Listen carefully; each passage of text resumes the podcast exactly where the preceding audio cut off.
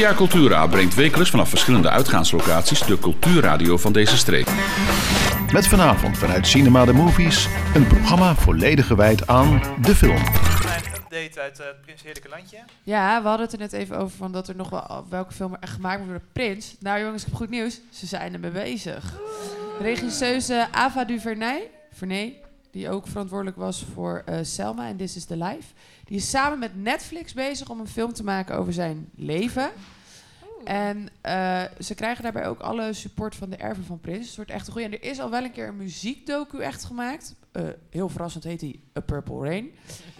maar ze zijn nu dus ook echt nog wel bezig met een film over zijn leven. Hoe lang het gaat duren weten we niet. En dit is ongeveer een jaar geleden geplaatst. Dus Kijk, Zijn ze al een Oh, tijdje bezig? Ja. Netflix heeft weer een kandidaat om op te wachten. ja, inderdaad. Dus ik hoop dat die wel snel komt. Want eh leuke. Ja, en met uh, Prins gingen we wel even een tijdje terug in de tijd. En eh, nou, dan natuurlijk ook even met jou doen. Want ik eh, begreep dat jij op jonge leeftijd al in de prijzen viel met, eh, als ik het goed zeg, La Chute.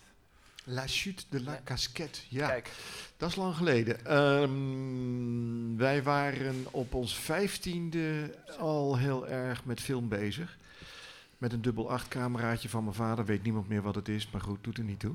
Ehm, maar La Chute, dat was eh, eh, toen met zo'n hele grote 16 mm camera. En die moesten we huren, eh, want, want die camera's die kosten toen net zoveel als een Mercedes.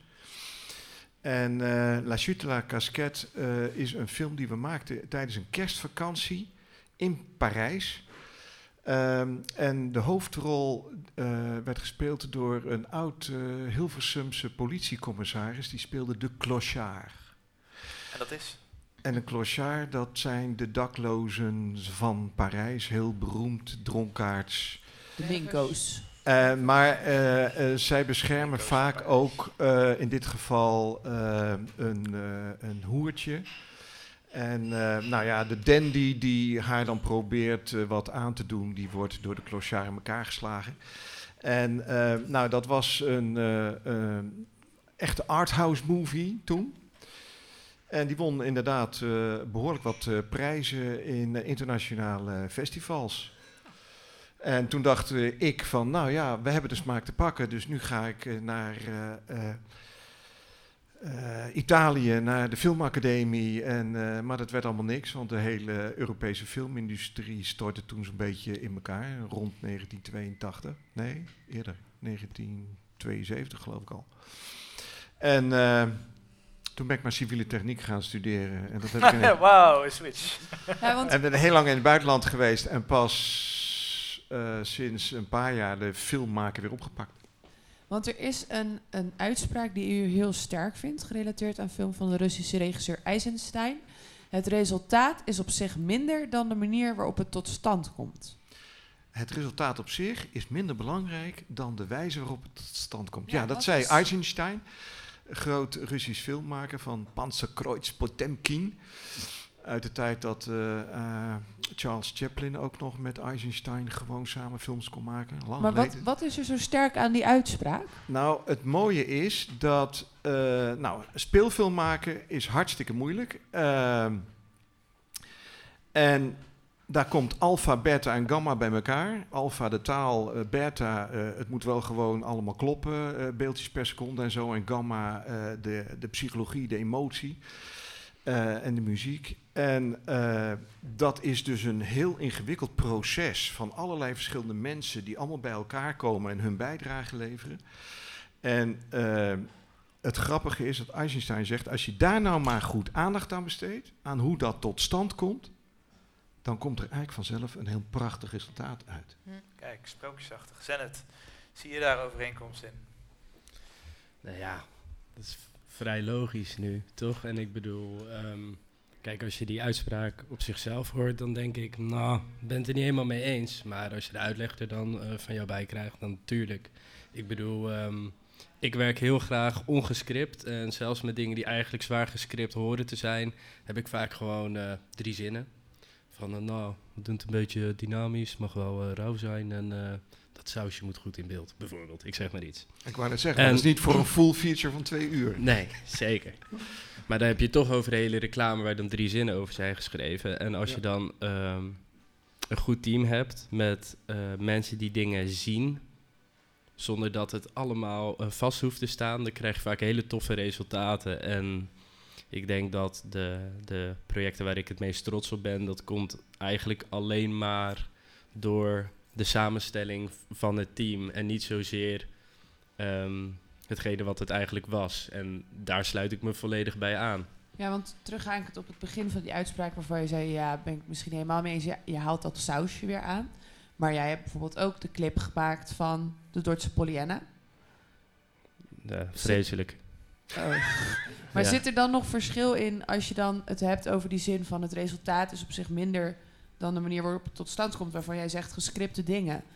Nou, nee, ik bedoel, als, ik, ik geef gewoon een voorbeeld voor mezelf. Eh, script is zeker niet slecht.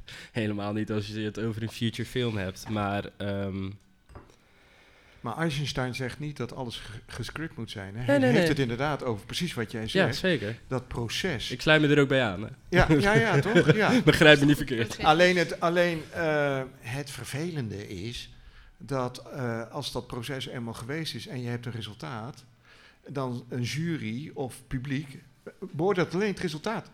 Tuurlijk. En, en niet dat proces hoe het tot stand gekomen is. Ja, Eveline, jij maakt ook documentaires. Hoe zie jij dit, eh, die uitspraak? En Nee, die uitspraak die klopt wel. Maar ehm, als ik terugga naar mijn, eh, mijn achtergrond is kunstenaar. Ik, ik heb schilderijen gemaakt en nu maak ik bewegende beelden. Maar Van stilstaande beelden naar bewegende beelden. vind En- jij bewegend beeld geen kunst dan?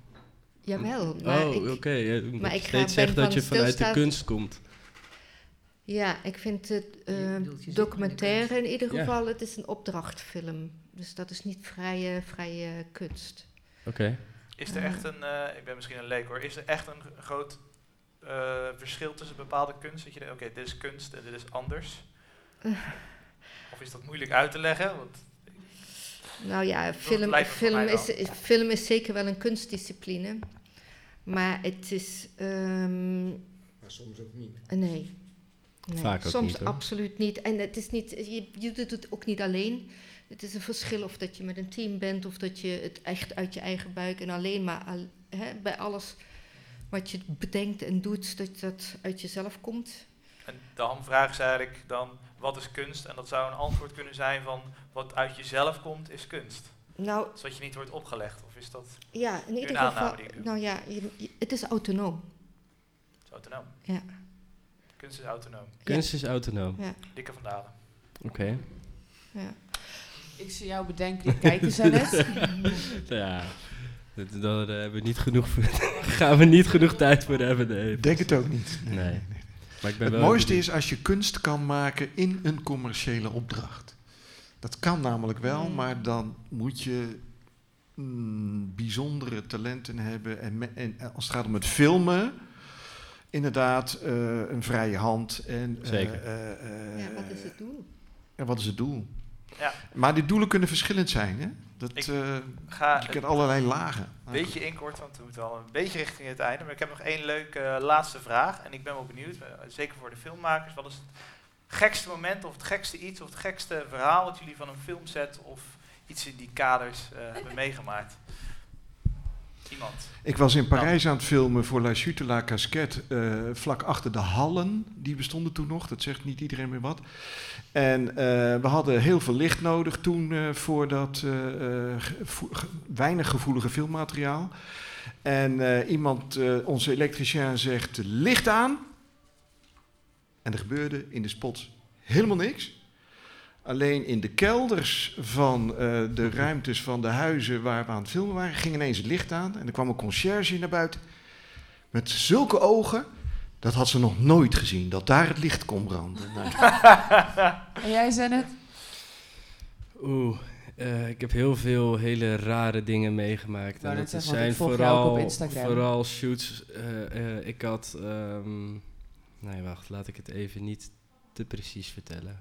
Even kort. Ik heb recent, ik heb recent nog gehad eh, dat we aan het filmen waren en dat de regisseur, eh, ik was eh, tweede cameraman, niet eerste cameraman, en de regisseur ging met de eerste cameraman op de vuist eh, naast de klant.